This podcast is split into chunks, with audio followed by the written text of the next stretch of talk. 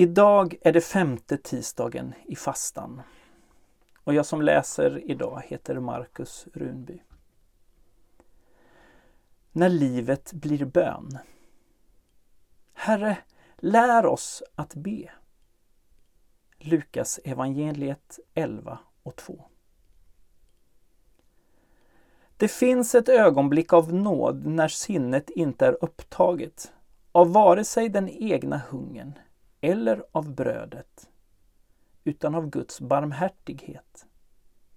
Det ögonblicket kallas bön.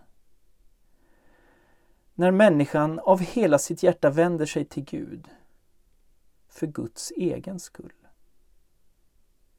Hemligheten till denna bön är inte att finna rätt metod eller de rätta orden, utan att Anden ber i oss. Jesus är vår läromästare i bönens skola, framför allt genom att han ingjuter bönens ande i hjärtat.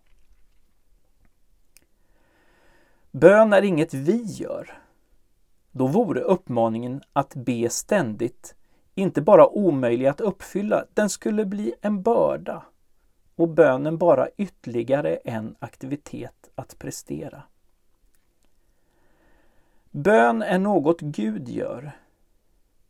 Vet ni inte att er kropp är ett tempel för den heliga Anden som ni har inom er och som ni har fått från Gud? Utbrister Paulus. Den helige Ande är den egentlige bedjaren i varje kristen. Det finns en fördold bön i vårt inre som vi inte ens själva är medvetna om.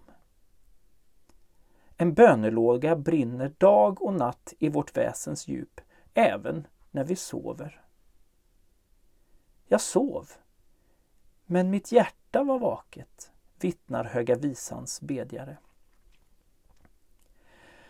Ögonblicket av nåd är när Andens bön stiger ur hjärtat med rop utan ord.